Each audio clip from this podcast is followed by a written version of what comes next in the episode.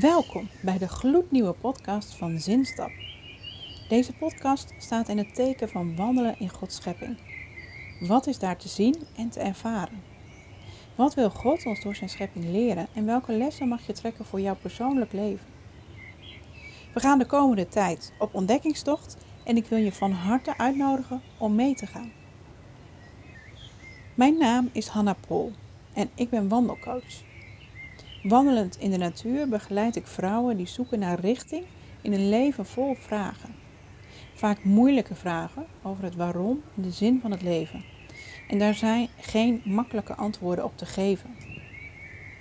En toch biedt God zelfs in de moeilijkste omstandigheden perspectief. In de schepping mogen we daar elke keer opnieuw prachtige voorbeelden van ontdekken. En die ontdekkingen deel ik graag met je door middel van deze podcast. De eerste twee afleveringen gaan over de winter. We zitten nu midden in de winter en ik wil dan ook graag stilstaan samen met jou bij de kenmerken en de functie van de winter.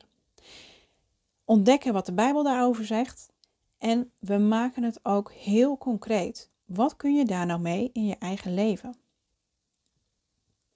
Dit is aflevering 1, Winter in de Schepping.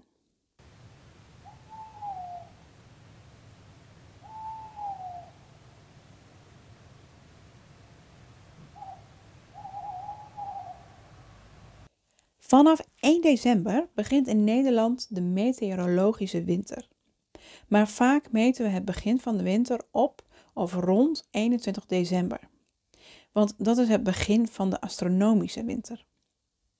Dat is namelijk het moment dat de zon recht boven de steenbokskeerkring staat en het is de kortste dag van het jaar op het noordelijk halfrond. De start van de winter is in de praktijk minder abrupt dan de datum doet vermoeden. Al vanaf half juni worden de dagen korter en ook al is het in de maanden juli en augustus hoogzomer, er is in de natuur al sprake van een ommekeer. Geen opbouw meer, maar afbraak. Je kunt in augustus de eerste kleurende bladeren al aan de bomen zien en in september komen soms al paddenstoelen tevoorschijn. En oktoberochtenden zijn mistig, vochtig steeds donkerder.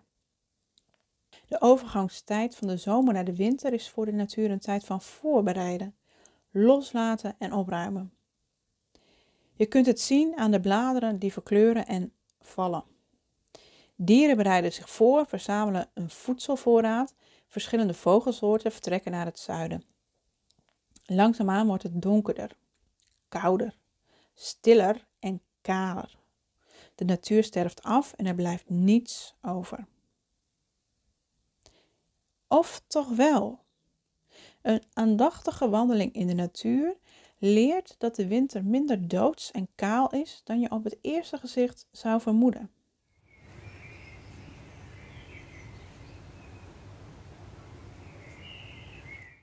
Juist op de meest grijze en natte dagen vallen de kleuren van het bos extra op. Het is niet een verzameling grauwe tinten die je enkel wijzen op de dorheid van de tijd, wel nee.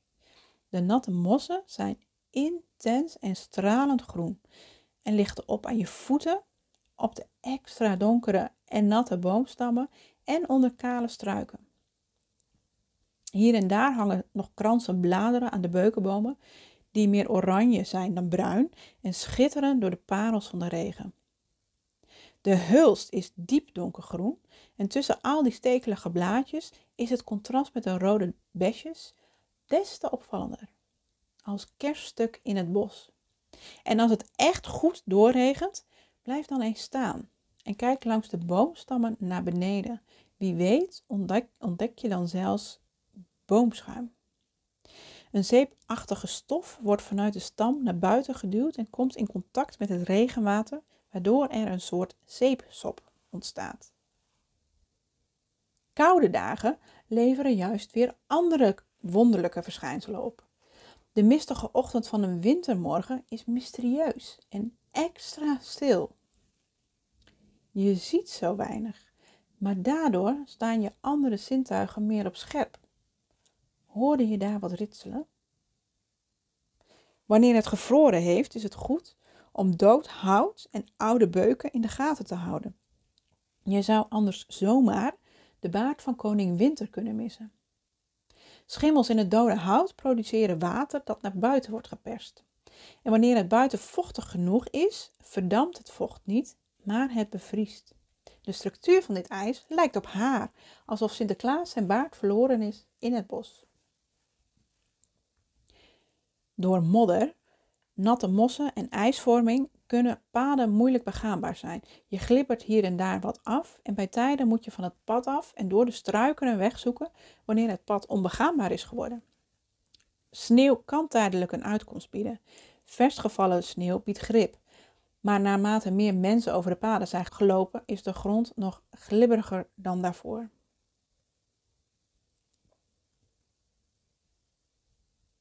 Sneeuw is natuurlijk wel het grootste zichtbare wonder van de winter. Het hele landschap verandert in een winterwonderland. Alles ziet er anders uit, bedekt met een kwetsbare witte deken. Wie graag op zoek gaat naar sporen, kan juist in een sneeuwlandschap zijn geluk op. De afdrukken van dieren zijn duidelijker zichtbaar dan ooit. Hele sporen kun je volgen. En met een beetje geluk kom je zelfs een ree tegen die met de donkere vacht tegen al dat wit afsteekt. De dieren doen in dit seizoen zuinig aan met hun energie. Warm blijven kost al meer moeite en voedsel is maar schaars. Ook al zullen ze minder actief zijn dan in het voorjaar, toch is de kans op het spotten van wild best aanwezig. Door de afwezigheid van begroeiing is er ook minder mogelijkheid voor dieren om weg te duiken. Niet alle vogels zijn naar het zuiden vertrokken. Juist in de winter kun je veel mezen en vinken tegenkomen.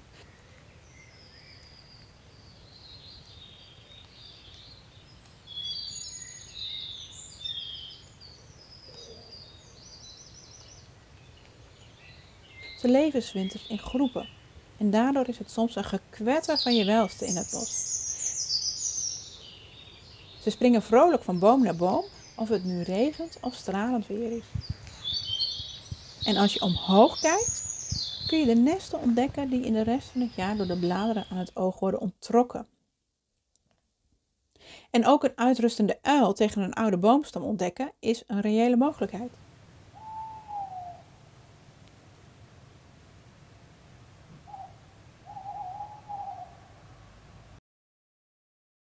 Overal om je heen zie je als oplettende toeschouwer dus tekenen van leven. En zelfs de kale bomen doen daaraan mee. Want wie dacht dat de lente het begin is van het nieuwe leven, komt bedrogen uit. Nog voor de bladeren gevallen zijn, kun je de nieuwe knoppen al zien zitten. Je moet er even voor blijven staan, maar als je de tak van een beuk of kastanje volgt, zie je de talloze knoppen al zitten. De bladeren en bloemen voor het nieuwe jaar zijn dus de hele winter al aanwezig maar ze worden nog beschermd. IJs, sneeuw, regen en hagel, geen probleem. De knoppen zijn zo toegerust dat de weersomstandigheden geen kwaad kunnen doen. De winter is dus een wonderlijk fenomeen. De fase waarin de schepping van afsterven overgaat naar het nieuwe leven. Heel toepasselijk dus dat we juist in die tijd kerst vieren en ons voorbereiden op de komst van het licht. Neem tijdens deze wintermaanden de tijd om te wandelen, juist ook na of tijdens het beluisteren van deze podcast. En sta regelmatig stil, zodat je ook echt de tijd kunt nemen om de winterse kenmerken in je op te nemen. Ondanks de duisternis en somberheid, de dorheid en kou, is er zoveel moois en levendigs te vinden. Wat zie jij? Na de break gaan we door en staan we stil bij wat de Bijbel zegt over de winter.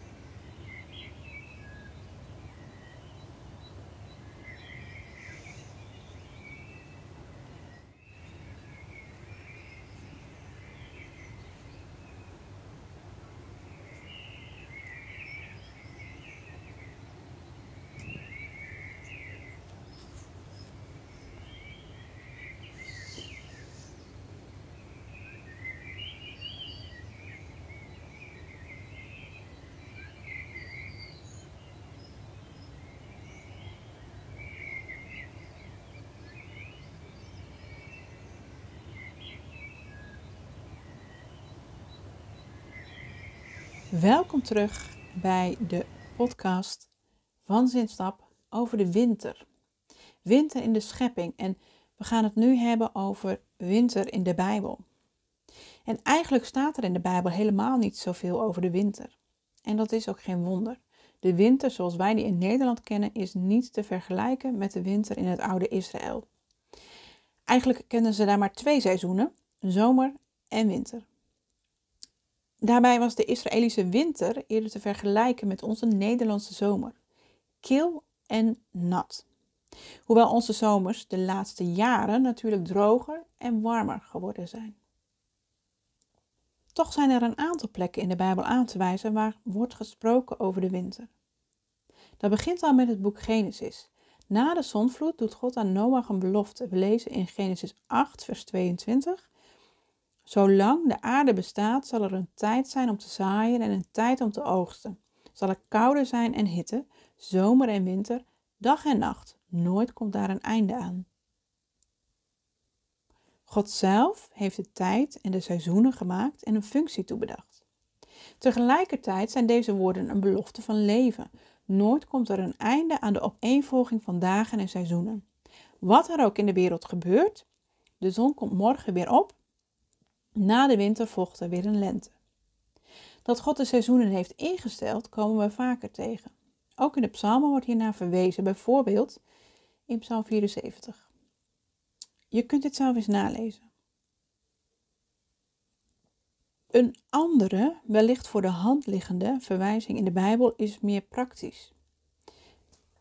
De winter wordt enkele keren genoemd als de tijd waarin je niet moet reizen of oogsten of zelfs oorlog voeren. Paulus maakt Timotheus om voor de winter te komen. En zelf noemt hij ook een aantal keer de mogelijkheid om ergens te overwinteren. Begrijpelijk, want als je ziet hoe onze bospaden er winters bij liggen, dan begrijp je ook hoe onmogelijk de wegen begaanbaar geweest moeten zijn in die tijd. Bijbelse winters waren namelijk erg nat. In het regenseizoen zullen de onverharde wegen vaak zijn veranderd in modderpoelen. De vele regens zorgden er ook voor dat je voor die tijd de oogst binnen moest hebben, anders was het oogsten niet meer mogelijk en zou de opbrengst van het land verloren gaan. Met andere woorden, zo'n winter zorgde ervoor dat je minder kon reizen en werken. Daarnaast was er geen verwarming zoals wij die hebben, dus je begrijpt dat een Bijbelse winter vooral een kwestie van rust en overleving was. De Bijbel spreekt niet alleen in letterlijke en concrete termen over de seizoenen. Ook in geestelijk opzicht is in de Bijbel sprake van de winter. Ik noem twee mooie voorbeelden. In Prediker 12 wordt gesproken over de slechte jaren die komen na je jeugd. Vers 5 zegt: Je durft geen heuvel te beklimmen, de weg is vol gevaar. De amandelboom behoudt zijn wintertooi, de sprinkhaan sleept zich voort, de kapperbes droogt uit. Een mens gaat naar zijn eeuwig huis. Een klaagzang vult de straat. Dat is de winter in je leven. We vergelijken onze levensloop wel vaker met de seizoenen. Je bent bijvoorbeeld 20 lentes jong of in de bloei van je leven. En hoe ouder je wordt, hoe meer je ook herkent dat de herfst dichterbij komt. Er komen gebreken, je verliest gezondheid, geliefden. Je gaat richting de winter. Mooi dat de Bijbel ook hier oog voor heeft en daar heel eerlijk over spreekt.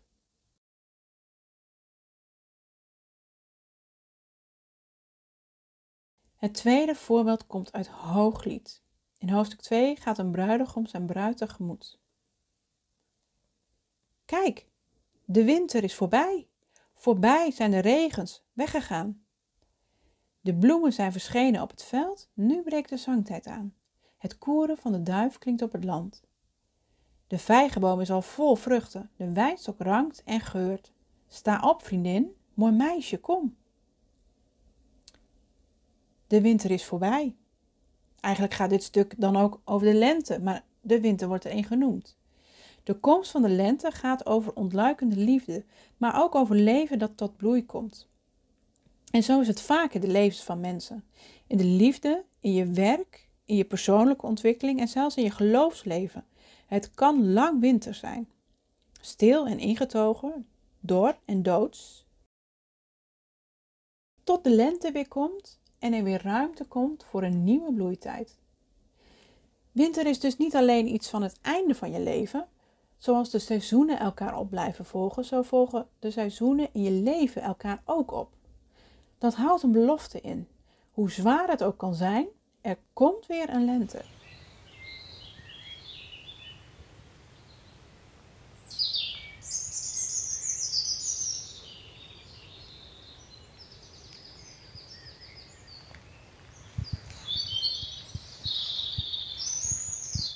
Dat geestelijke aspect kunnen we ook nog verder doortrekken. Want het blijft niet bij ons eigen persoonlijke leven. Gods belofte gaat veel verder. En juist in de winter mogen we daarbij stilstaan als het adventstijd is, kerst wordt en geweest is, en we doorleven naar de komst van de lente en het paasfeest. In Jesaja 55 spreekt God die belofte uit. In een wereld waarin het volk Israël in ballingschap gestuurd is en het over en uit lijkt tussen God en zijn volk, belooft God een ommekeer. Een die alle volken ter wereld omvat. Mijn plannen zijn niet jullie plannen en jullie wegen zijn niet mijn wegen, spreekt de Heer. Want zo hoog de hemel is boven de aarde, zo ver gaan mijn wegen jullie wegen te boven en mijn plannen jullie plannen. Zoals regen of sneeuw neerdaalt uit de hemel en daarheen niet terugkeert zonder eerst de aarde te doordrenken, haar te bevruchten en te laten gedijen, zodat er zaad is om te zaaien en brood om te eten, zo geldt dit ook voor het woord dat voortkomt uit mijn mond. Het keert niet vruchteloos naar mij terug, niet zonder eerst te doen wat ik wil en te volbrengen wat ik gebied. Vol vreugde zullen jullie uittrekken en in vrede zul je huiswaarts keren. Bergen en heuvels zullen je juichend begroeten en alle bomen zullen in de handen klappen. Advent is een tijd van uitzien naar de komst van Jezus die die belofte waar zal maken. Maar het is ook een tijd van uitzien naar de tweede komst van Jezus aan het einde van de tijden, waarin God de schepping zal vernieuwen en alle tranen van onze ogen af zal wissen. Advent en kerst, ze kunnen niet zonder Goede Vrijdag en Pasen. De komst van het kind kan niet zonder het lijden en sterven van de Verlosser en ook niet zonder de opstanding. Want al in de winter mogen we vertrouwen op de belofte van het nieuwe leven, zoals ook de knoppen al in de bomen zitten voor het nieuwe jaar. Hoe toepasselijk is dat? Nog even vers 10, ik las het net ook.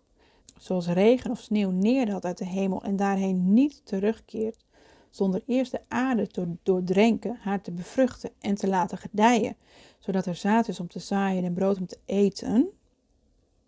Hier stipt Jesaja al even de functie van de winter aan. Onthoud het. De volgende keer gaan we daarop door.